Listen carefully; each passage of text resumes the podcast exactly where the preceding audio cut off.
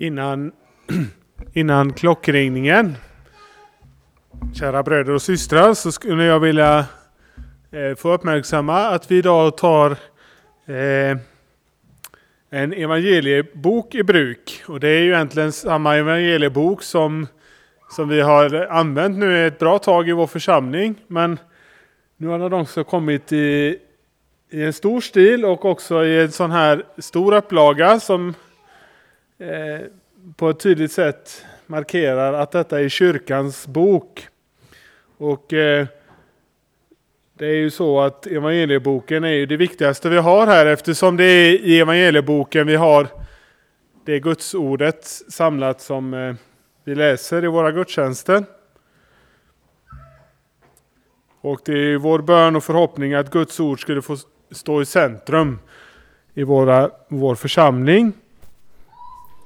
Och eh, det kanske är svårt att se här på avstånd men det är alltså i centrum på boken här så ser vi det triumferande lammet som har segrat på Golgata. Och det står också Agnus Dei, se Guds lamm. Eller Guds lamm, Agnus Dei. Och det är ju Agnus Dei, Guds lamm, Jesus Kristus som ska lysa fram i förkunnelsen när vi läser Guds ord. Så vi får ta den i bruk idag. Och det är vi glada för. Vi, låt oss bedja. Kära himmelske Fader, vi tackar dig för att vi får ha ditt ord ibland oss. vi ber dig att du också i denna tid skulle samla människor kring ditt ord. Och vi tackar dig för att du har samlat oss till gudstjänst här idag. Välsigna vår gudstjänst. Välsigna oss som har samlats här idag. Gör våra hjärtan öppna för vad du vill tala till oss och ge oss i denna gudstjänst. Det ber vi om i Jesu namn. Amen. Så får vi lyssna till klockringningen.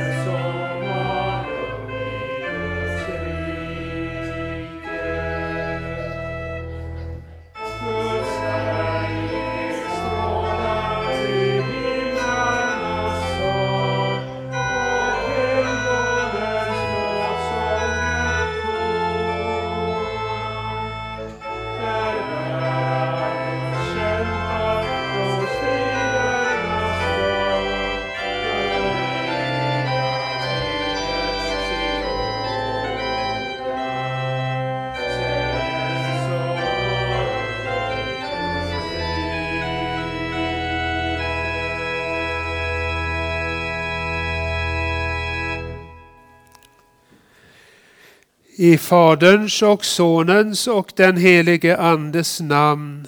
Amen. Låt oss be. Rena, o Gud, våra hjärtan och samveten så att din son, när han kommer till oss, må i våra hjärtan finna en beredd boning genom samme din son, Jesus Kristus, vår Herre. Amen. Dagens tema är vårt eviga hopp. Ett ord om hoppet ska därför få hjälpa oss med vår beredelse inför nattvarden. I Efesierbrevets första kapitel skriver aposteln Paulus att han tackar Gud för de kristna i Efesus. Han har nämligen hört om deras tro i Herren Jesus och deras kärlek till alla de heliga. Men när det gäller hoppet så fanns tydligen en svaghet. Istället för ett tacksägelseämne gör Paulus det därför till ett böneämne. Jag ber, heter det i vers 18, att era hjärtan ska upplysas så att ni förstår vilket hopp han har kallat er till. Men eh, det behöver också vi be om för oss själva och för varandra. Det är så lätt att förlora hoppet. Och det är allvarligt för det är hoppet som ger styrka åt tron och det är hoppet som ger uthållighet åt kärleken. En kristen ska se bakåt på det som Gud har gjort för honom. Framförallt då Gud så älskade världen att han utgav sin enfödde son. Och utåt mot medmänniskorna och vad han kan vara och göra för dem. Men en kristen får inte glömma att också se framåt. Han är ju insatt i ett händelseförlopp han ännu inte sett slutet på. Han är på väg mot ett mål som ligger bortom tid och rum. Han har del i ett arv som är förvarat åt honom i himlen. Ska det bli någon stadga i vårt kristna liv? Ska vår ofta svaga tro bli starkare och vår ofta ljumma kärlek varmare så är det högst nödvändigt att vårt eviga hopp hålls levande. Vi behöver både uppmana och uppmuntra varandra. Upplåt oss fatta mod i Andens kraft att vandra till himlen med varandra. Där väntar vilan god. Ja, just fatta mod. Nu finns det många slags mod. Onda mod och goda mod som vi ska se. Det finns frimodighet och det är trons ständiga följeslagare.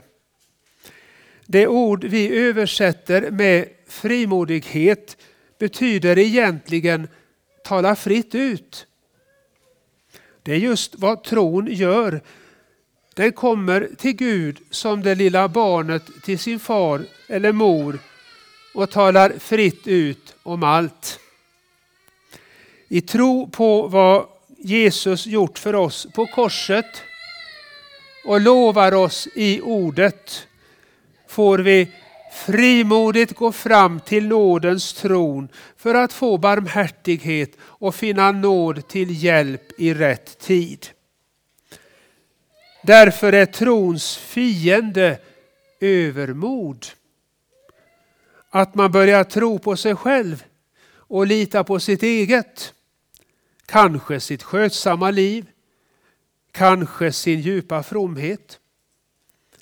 Ett sådant övermod leder ofta till att man blir dömande mot dem som inte lyckas leva upp till de egna förtjänsterna.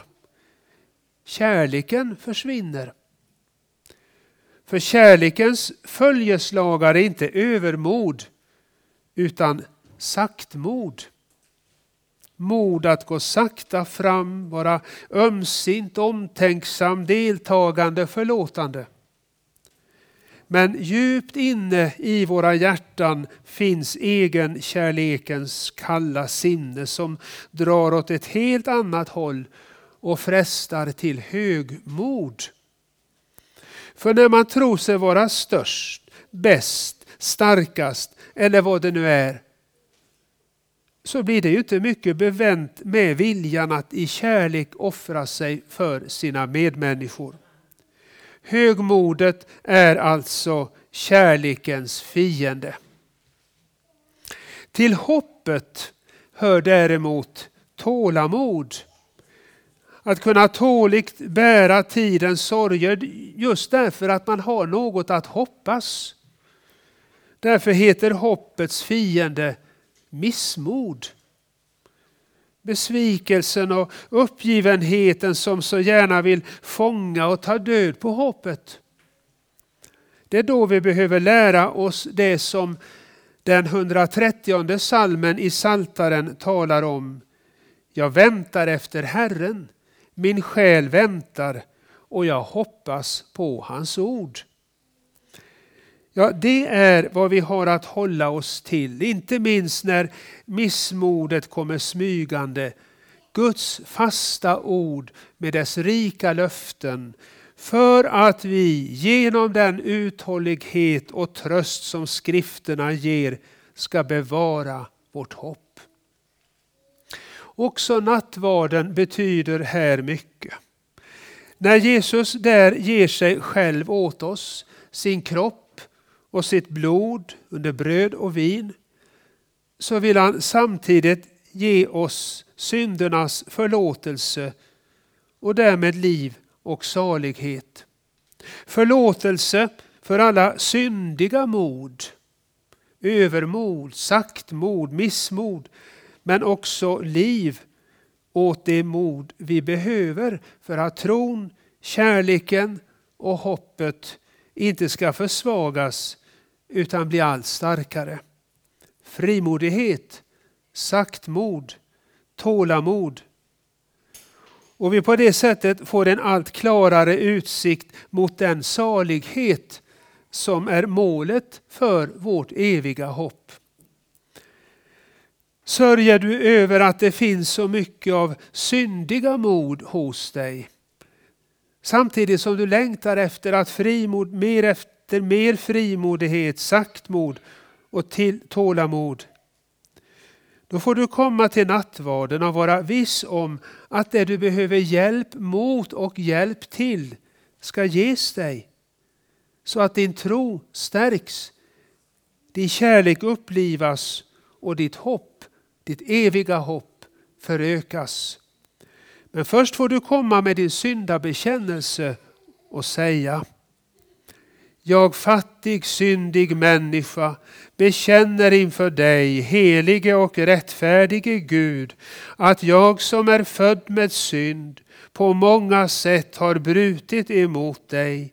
Jag har inte älskat dig över allting och inte min nästa som mig själv. Mot dig och dina bud har jag syndat med tankar, ord och gärningar. Jag är värd att förkastas från ditt ansikte om du skulle döma mig som mina synder har förtjänat. Men du, käre himmelske Fader, har lovat att med mildhet och nåd ta emot alla som vänder sig till dig. Du förlåter dem allt vad de har brutit och försummat och tänker inte mer på deras synder. Detta litar jag på när jag nu ber dig om förlåtelse för min frälsares Jesu Kristi skull. Ja, till dig som ber om dina synders förlåtelse för Jesu Kristi skull. På hans uppdrag säger jag dig, dina synder är dig förlåtna. I Faderns och Sonens och den helige Andes namn. Amen. Käre Fader i himmelen, vi tackar dig för syndernas förlåtelse genom Jesus Kristus vår Herre. Amen. Helige Herre Gud, helige starke Gud, helige barmhärtige frälsare, du evige Gud, förbarma dig över oss. Herre, förbarma dig över. Kriste,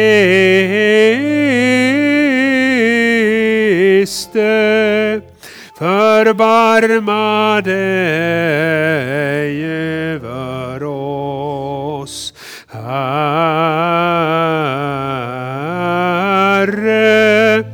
förbarma dig över oss. Herre, Gud i höjden och frid på jorden bland människor som han älskar. Vi prisar dig, vi tillber dig, vi tackar dig för dina verk, Herre Gud. Evige konung, vår himmelske Fader, Herre Guds son, vår broder, Jesus Kristus, helige Ande, livets källa, vår hjälp och tröst. Amen.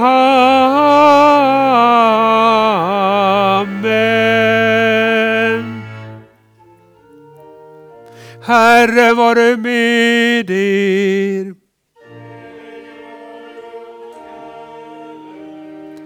Låt oss bedja. Evige Gud, du som lät din son dö och uppstå för att han skulle vara Herre över både levande och döda. Ge oss nåd att här i tro ta emot honom som vår frälsare, så att vi med honom får gå in i det eviga livets land genom din son Jesus Kristus, vår Herre. Amen. Hör Herrens ord i tredje årgångens läsningar på söndagen efter Alla helgons dag. Och först den gammaltestamentliga läsningen från, från Josuas bok kapitel 1, verserna 10 och 11. Josua befallde folkets förmän och sade Gå igenom lägret och säg till folket Gör i ordning färdkost åt er för om tre dagar ska ni gå över eh, Jordan för att komma in i och inta det land som Herren er Gud har gett er till besittning. Är det någon saltarsalm inlagd? Just det, kan vi få den? Jag tänkte att vi skulle be med den alternativa saltarsalmen 126 om den kommer upp. Och där, förlåt, Ja, det är, det är den. Men det är inte det numret, men det är den texten.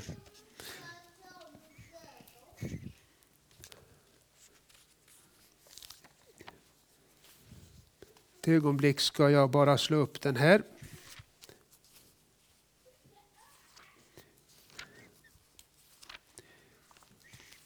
Vi ber alltså med den 126 salmen i Saltaren från tårar till jubel och eh, församlingen läser de indragna delarna. En pilgrimssång när Herren lät Sions fångar komma åter. Då var det som om vi drömde. vår mun med skratt och vår tunga med jubel. Då sade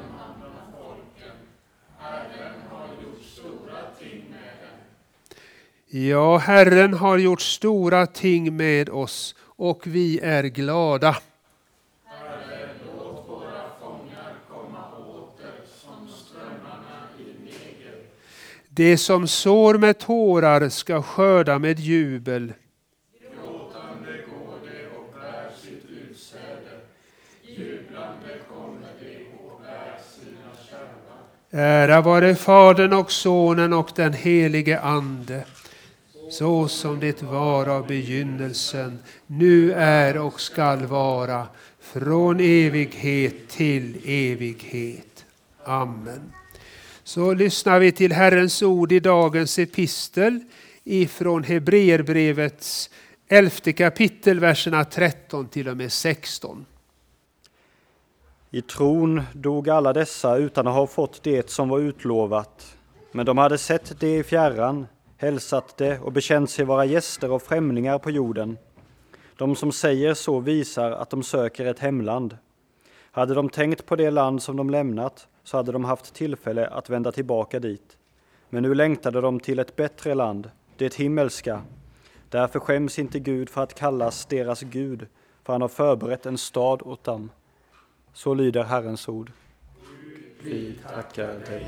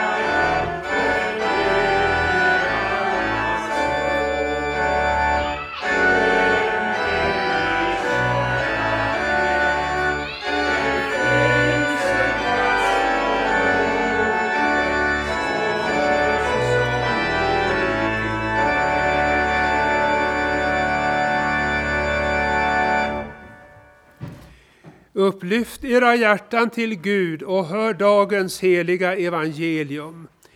Nu kommer jag att utöka dagens evangelium och läsa hela det sammanhang som dagens korta evangelium ingår i. Så ni kan inte följa med där förrän jag kommer till slutet av, dag, av evangeliet. Jag börjar redan på den tjugonde versen. Sedan kom det fram några saduceer, de som förnekar att det finns en uppståndelse. Då frågade Jesus, Mästare Mose gav oss föreskriften att om någon har en bror som är gift men dör barnlös, så ska han gifta sig med änkan och skaffa barn åt sin bror. Nu fanns där sju bröder. Den förste tog sig en hustru men dog barnlös. Den andra och den tredje gifte sig med henne och så gjorde alla sju. Men de dog och efterlämnade inga barn. Till slut dog också kvinnan. Så vems hustru blir hon vid uppståndelsen? Alla sju var ju gifta med henne. Jesus svarade dem, de som lever i den här världen gifter sig och blir bortgifta, men de som anses värdiga att nå den andra världen och uppståndelsen från de döda, de varken gifter sig eller blir bortgifta. De kan inte dö längre, för de är som änglarna och är Guds barn, eftersom de är uppståndelsens barn. Och nu kommer vi till dagens evangelium. Men att de döda uppstår, det har också Mose visat vid stället om törnbusken när han kallar Herren Abrahams Gud och Isaks Gud och Jakobs Gud. Han är inte de dödas Gud utan de levandes, för honom är alla levande. Så lyder det heliga evangeliet. Lovad vare du, Kristus.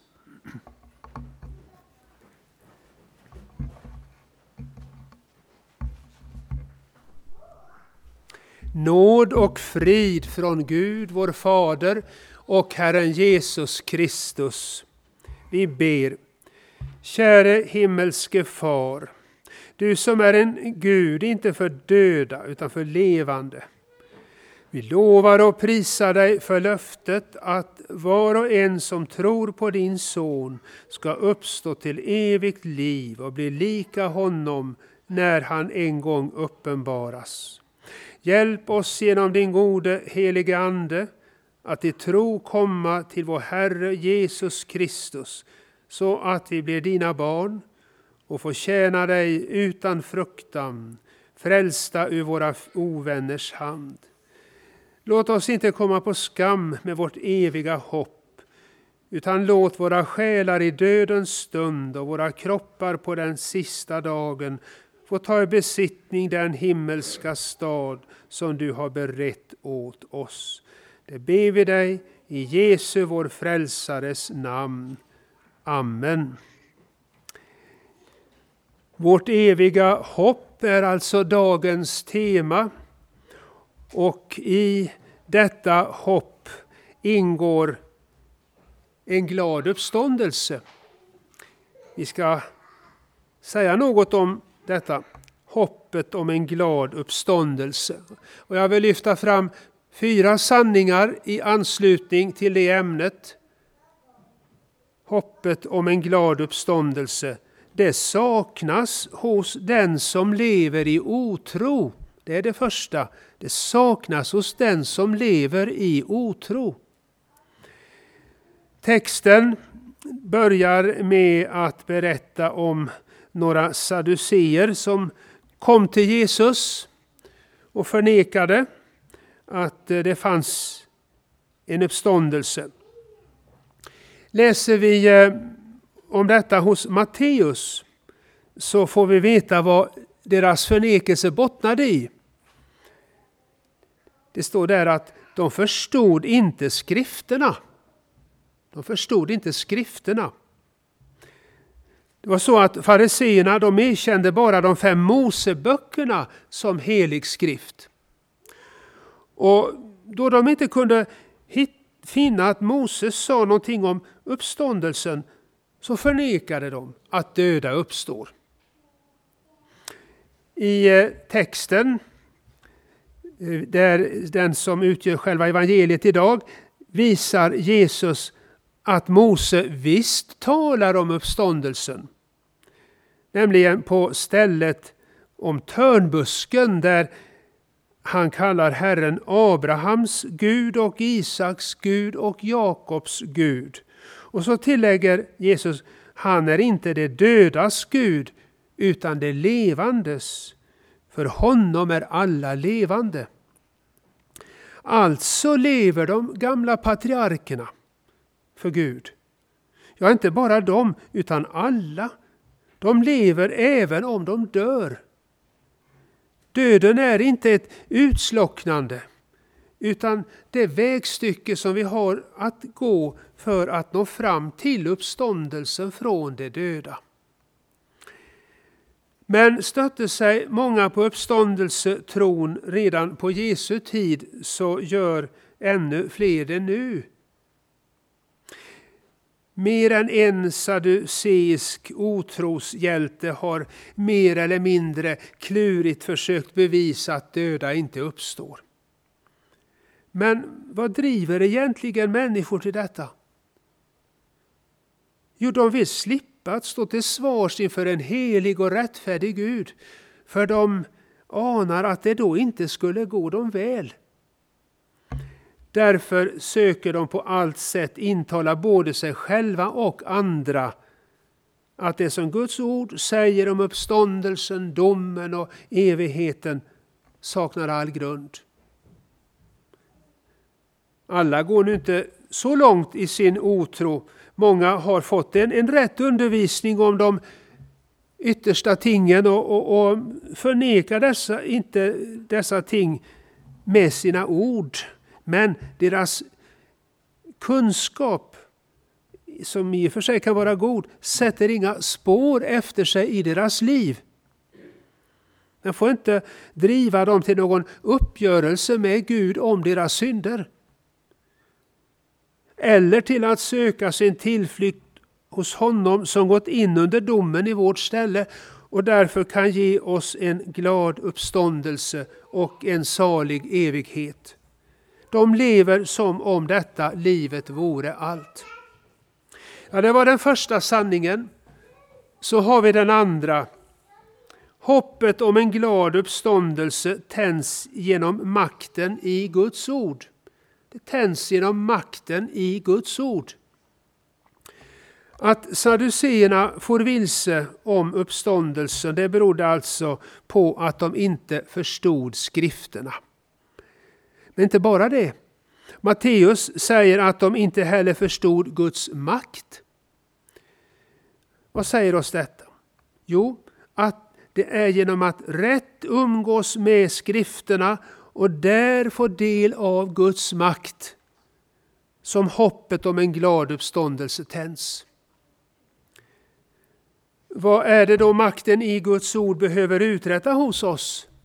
Jo, att vi redan här uppstår från de döda. Men vi är väl inte döda? Nej, inte kroppsligt. Däremot är vi alla av naturen andligt döda. Vi är döda genom våra överträdelser och synder, säger skriften. Men den uppståndelse som behöver ske redan här, för att, den får inte skjutas på framtiden, inget är så ovisst som den. Vi vet ju inte om vi får en morgondag ens. Men när Guds ande genom ordet kallar oss att stå upp från de döda, då ska vi genast följa kallelsen genom att ta vara på den dragning till Guds ord som ligger i kallelsen. Då ska det ord som är levande och verksamt uträtta hos oss allt som behövs för att vi här ska uppstå från vår andliga död och på den yttersta dagen få en glad uppståndelse till evigt liv. Vad hör då till den uppståndelse som behöver ske redan här och nu? Jo, att vi genom ånger och tro blir Guds barn. Och det är just vad makten i Guds ord uträttar hos, den, hos oss när bara ordet får komma åt att verka på våra hjärtan. Den ånger som innebär att vi med sorg och bävan ser våra synder och den tro som innebär att vi kommer till Jesus med vår syndabekännelse och litar på att han för sitt namns skull förlåter oss alla våra synder och renar oss från all orättfärdighet. Och när vi så går den förlorade sonens väg hem igen, då blir vi på nytt upptagna i fadershuset. Vi får tillbaka vårt förlorade barnaskap och är därmed åter Guds arvingar och Kristi medarvingar till himlens härlighet. Men till den uppståndelse som behöver ske redan här hör också att vi blir som änglarna. Visserligen är det närmast uppståndelsen på den yttersta dagen Jesus tänker på när han säger att uppståndelsens barn är som änglarna. Men den likheten behöver börja, eh, re, behöver börja redan här. Uppståndelsen på den yttersta dagen hänger ju också på den närmaste samman med uppståndelsen här och nu. Uppståndelsen genom ånger och tro, från vår död genom överträdelser och synder till förlåtelse och barnaskap hos Gud. Om änglarna står det i Guds ord att de uträttar Guds befallning så snart, så, så snart de hör ord, ljudet av den. Och ett är säkert, om bara makten i Guds ord får verka i våra liv blir det också hos oss något av änglarnas villighet att göra Guds vilja i tacksamhet över att vi fått del i hoppet om en glad uppståndelse. Men notera att jag sa något av änglarnas villighet. För så länge vi lever har vi vårt syndafördärv. Och det gör oss samtidigt så tröga när det gäller att göra Guds vilja. Ja, syndafördärvet gör oss inte bara tröga utan vållar att vi också dagligen gör emot Guds vilja. Men då får det vara vår tröst. Men också en sporre till att allt bättre kunna vara som Guds änglar. Att vi i Guds ögon verkligen är som änglarna. Om vi nämligen har vår dagliga tillflykt hos vår frälsare och Gud ser oss genom honom. Det var det andra och så det tredje.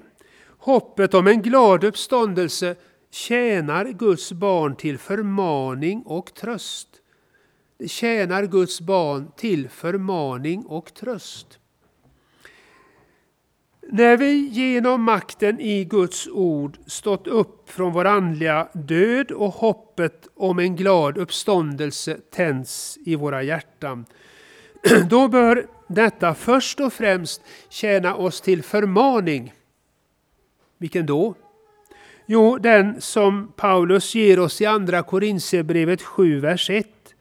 Då vi har dessa löften, säger han, så låt oss rena oss från allt, all besmittelse från kött och ande.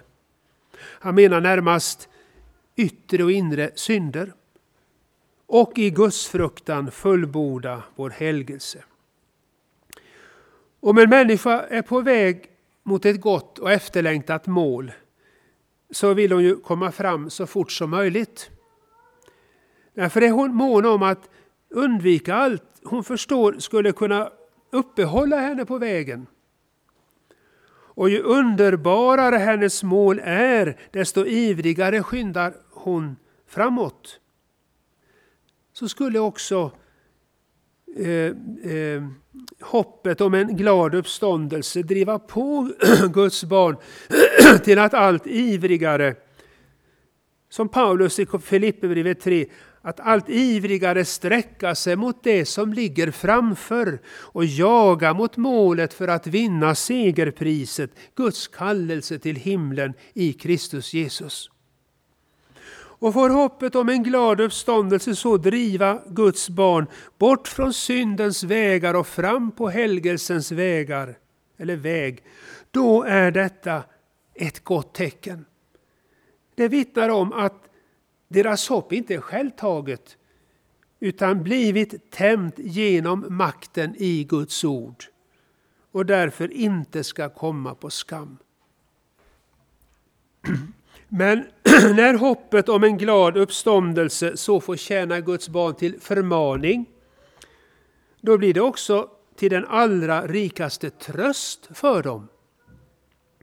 När de här måste sörja och gråta, det må nu vara synd och ofullkomlighet eller sjukdomar och lidanden eller sorger och förluster som pressar fram tårarna hos dem, så får de trösta sig av den underbara sanningen att Gud på uppståndelsens stora dag ska torka alla tårar från deras ögon. Därför att döden ska inte finnas mer. Och ingen sorg och ingen gråt och ingen plåga. Och detta i sin tur därför att det inte finns någon synd där. Och när Guds barn här måste skiljas från varandra under sorg och saknad så får de hämta tröst av tanken på att vid uppståndelsen bli lyckligt återförenade. Men eh, motsägs inte detta av det som Jesus säger i i samtalet med saduceerna. Saduceerna förnekade alltså att det finns en uppståndelse. Och för att framhäva det orimliga i att döda uppstår lyfter de fram exemplet med kvinnan som varit gift med sju bröder i tur och ordning och frågade så vems hustru blir hon vid uppståndelsen? De tänkte nog att de gjort Jesus svarslös, men inte. Jesus blev aldrig svarslös. Inte den här gången heller, utan han svarade dem det som anses värdiga att nå den andra världen och uppståndelsen från de döda, det varken gifter sig eller blir bortgifta. Och det är just de här orden som tycks motsäga, motsäga talet om den återseendets glädje som Guds barn har att se fram emot. Ja, hur är det? Gör de här orden återseendets glädje omöjlig? Det är sant att uppståndelsen inte innebär att uppstå till ett liv som är ett, en kopia av livet här. Den andra världen är så helt annorlunda att den här inte kan beskrivas eller förstås sådan den verkligen är. Det kan bara den som i en salig död och en glad uppståndelse fått del i den. Av Guds ord framgår ändå att Guds barn kommer att förbli individer som Abraham, Isak och Jakob. Och även om Guds barns första fråga inte blir efter den och den som de här fick skiljas från under sorg och saknad, utan efter frälsaren själv och hans vilja. Det är A och O. Så hör ändå till den andra världens salighet också återseendets glädje. Ja, om aftonen är pust och gråt, då vänner skiljas åt, men Gud en bättre morgon ger, då ingen gråt skall vara mer. Och så den fjärde och sista sanningen. Hoppet om en glad uppståndelse uppfylls på alla som dör i tron på Jesus. Det uppfylls på alla som dör i tron på Jesus. En gång ska Guds sons röst kalla de döda till livet. Då ska Guds barn inte längre kunna dö då ska de också vara som, som änglarna. Änglarna är utan synd. Det är också Guds barn i den andra världen. Det slipper de bära på sitt syndafördärv, som här gjorde dem så tröga i allt som hörde till deras kristendom. Änglarna tjänar Gud utan den minsta brist. Det gör också Guds barn i den andra världen. Den Gud de redan här tjänade redan här, men mycket skröpligt och bristfullt. Honom ska de i den andra världen tjäna både dag och natt. Och det på ett fullkomligt sätt. Änglarna är oåtkomliga för det onda. Det är också Guds barn i den andra världen. Där riskerar de inte mer att komma bort från sin frälsare. Där utkämpar de inte mer några strider mot trons och själens fiender. Men vid uppståndelsen, på, men vid uppståndelsen ska Guds barn inte bara vara lika änglarna, utan, och det är det största av allt, ja, så stort att det är svårt att, att ta in, men, men det, det är sant.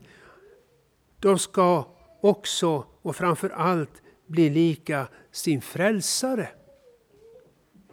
Honom har de velat likna redan här, men särskilt långt kom de inte i detta. Åtminstone inte enligt dem själva. Men på uppståndelsens stora dag ska de vara lika sin frälsare fullt ut. Skriften säger det. Och, och det ska inte bara vara en inre likhet, också i det yttre ska Jesu härlighet framträda hos Guds barn. Och för allt ska de sedan evigheten igenom prisa honom.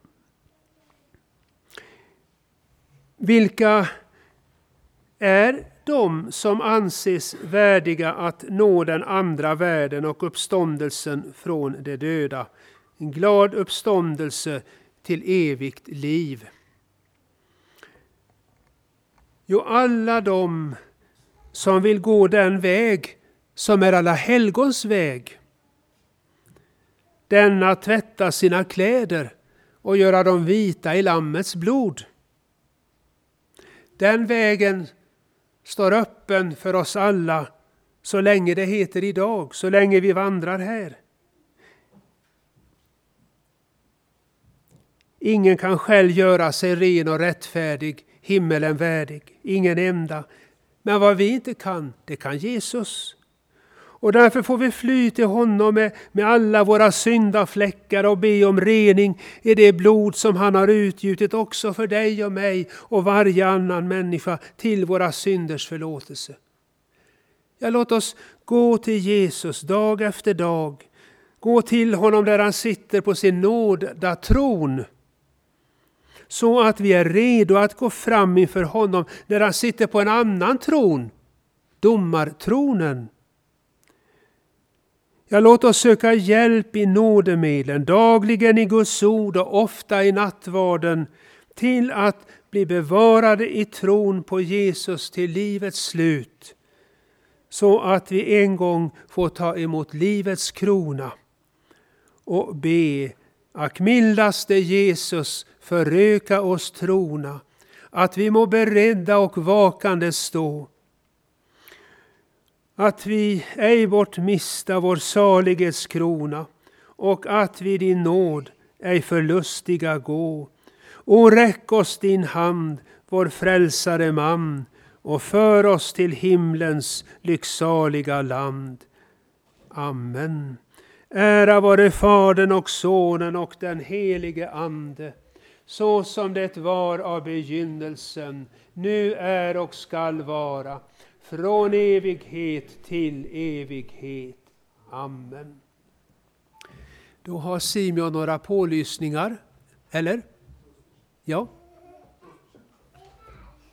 Förlåt, först ska vi bekänna vår heliga kristna tro. Tack för det. Vi tror på Gud Fader allsmäktig, himmelens och jordens skapare.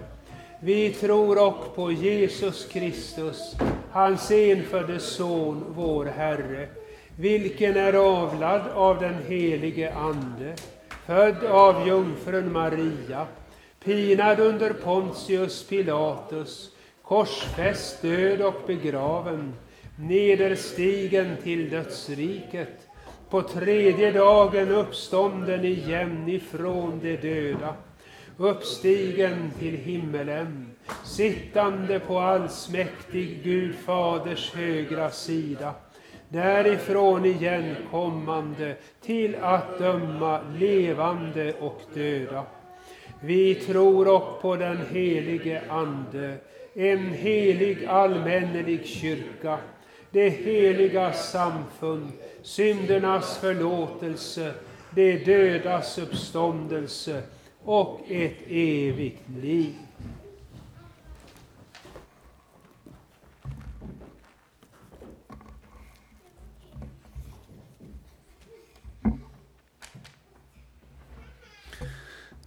Några pålysningar så. Eh, idag ber vi att få ta upp en kollekt under salmen här efter predikan till Nordisk Östmissions arbete. Eh, och det tror jag knappast behöver presenteras. Det är ju lätt i de här dagarna att glömma att det också pågår ett krig i Östeuropa. Eh, men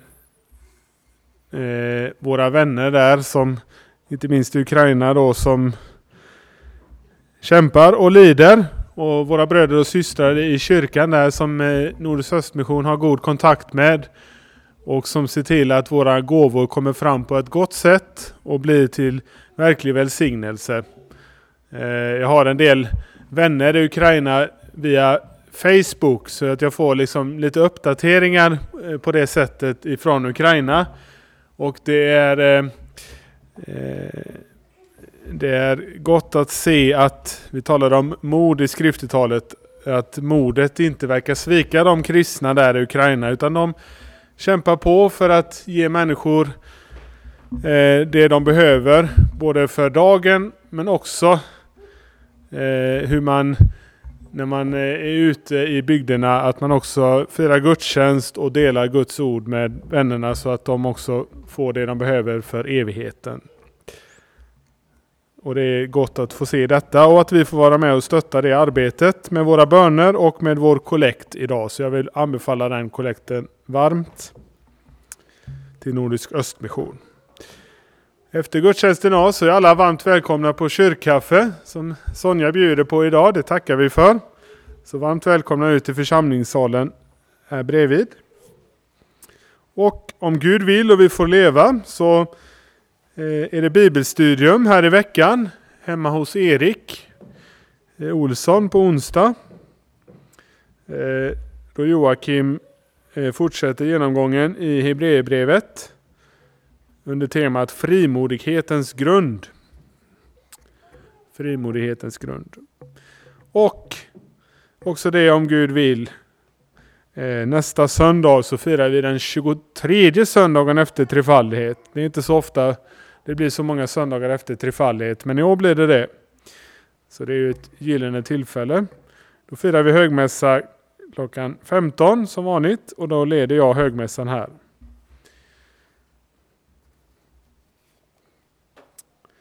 Eh, det var nog allt. Jag kan också säga det att eh, eh, eh jag har fått eh, ett antal eh, tidningar från församlingsfakulteten och böcker och lite annat. Så man kan gärna ta en extra kik på bok bokbordet där bak om det är något av intresse. Så till sist, Guds frid som övergår allt förstånd bevare våra hjärtan och våra tankar i Kristus Jesus vår Herre. Amen.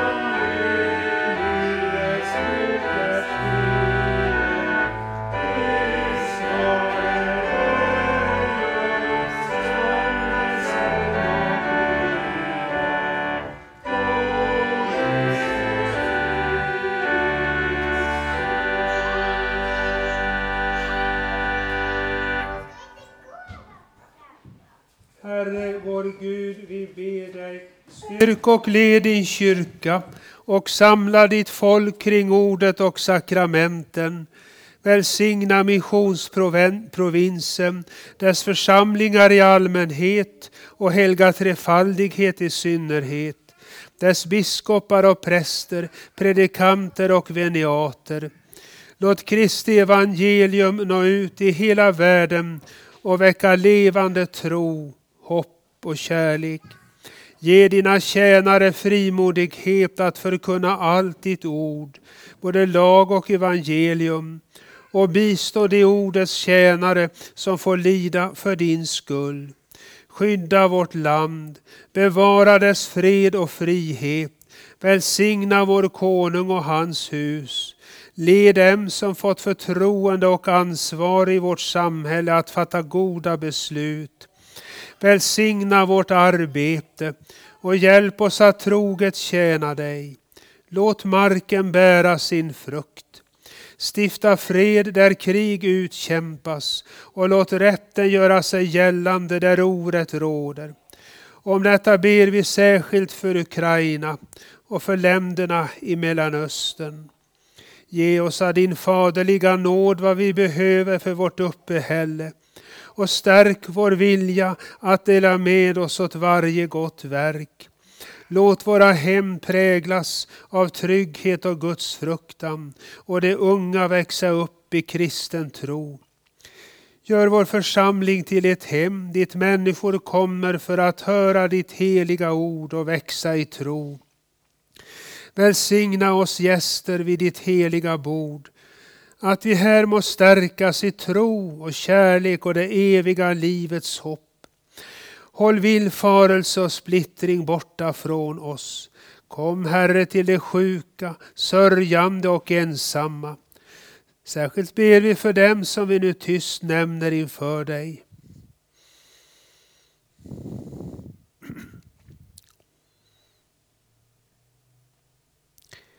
Förbarma dig över dem och låt dem finna nåd till hjälp i rätt tid. Sänd oss till dem som behöver vår omtanke och vårt stöd. För hjälp oss väl igenom detta livet och ge oss när vår stund är inne en salig död så att vi till sist får komma hem till din eviga glädje genom Jesus Kristus, din Son, vår Herre. Amen.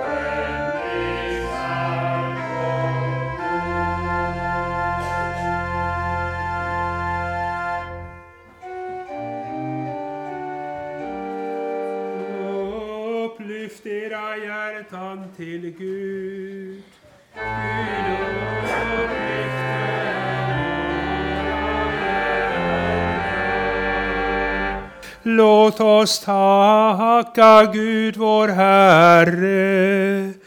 Allena han är värdig tack och lov. Ja, sannerligen du ensam är värdig lov. Allsmäktige Fader, helige Gud. Dig vill vi prisa och välsigna genom Jesus Kristus, vår Herre. I honom ger du oss en framtid och ett hopp. Vi vakar och ber med din stora dag för ögonen och firar denna nattvard som himmelrikets måltid för att en gång få göra det på nytt i ditt rike.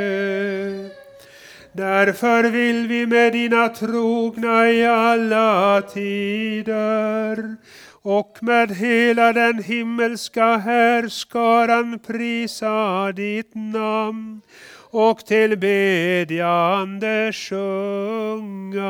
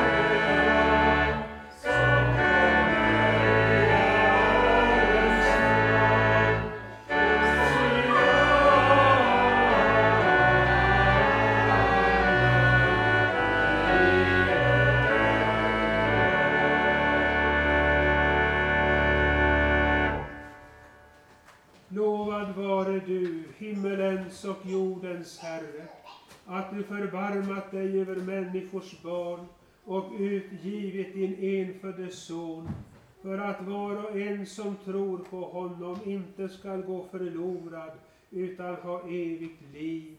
Vi tackar dig för den frälsning du skänkt oss genom Jesus Kristus. Bered oss genom din helige Ande att rätt ta emot honom när han kommer till oss i sin heliga nattvard. Den natt då vår Herre Jesus Kristus blev förrådd tog han ett bröd, tackade Gud, bröt det och gav åt lärjungarna och sade Tag och ät, detta är min kropp som blir utgiven för er. Gör detta till min åminnelse.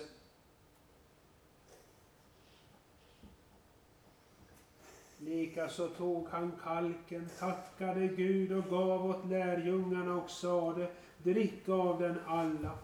Denna kalk är det nya förbundet i mitt blod, som blir utgjutet för många, till syndernas förlåtelse. Så ofta ni dricker av den, gör det till min åminnelse. Din död förkunnar vi, Herre, din uppståndelse bekänner vi till dess du kommer åter i härlighet. Himmelske Fader, skänk oss i denna måltid de välsignade frukterna av din Sons lidande och död, uppståndelse och himmelsfärd. Ge oss liv av hans liv, så att han förblir i oss och vi i honom i väntan på hans återkomst i härlighet ber vi den bön som han har lärt oss. Fader vår som är i himmelen. Helgat varde ditt namn. Tillkomme ditt rike. Ske din vilja så som i himmelen, så och på jorden. Vårt dagliga bröd giv oss idag och förlåt oss våra skulder så som och vi förlåta dem oss skyldiga äro. Och inled oss icke i frestelse, utan fräls oss ifrån ondo. Ty riket är ditt och makten och härligheten i evighet. Amen. Brödet som vi bryter är en delaktighet av Kristi kropp. Så är vi, fastän många, en enda kropp, ty alla får vi del av ett och samma bröd. Herrens frid vare med er. O Guds namn.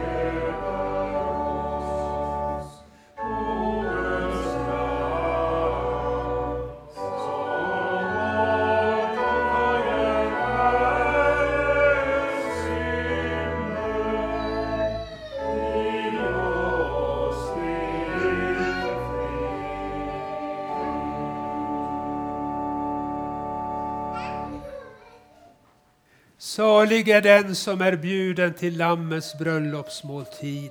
Kom, nu är allt till rätt.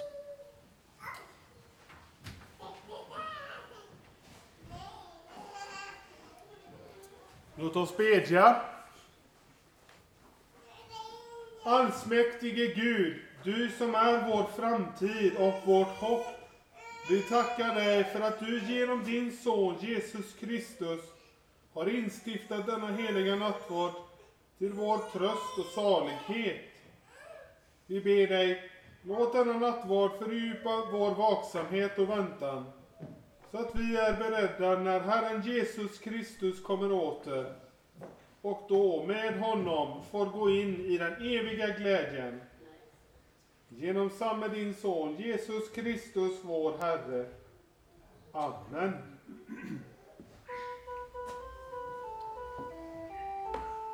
Låt oss tacka och lova Herren. Herren vare tack och lov. Halleluja, halleluja, halleluja. Tag emot Herrens välsignelse. Herren välsigne er och bevare er. Herren låter sitt ansikte lysa över er och vare er nådig. Herren vände sitt ansikte till er och give er frid. I Faderns och Sonens och den helige Andes namn. Amen, amen, amen.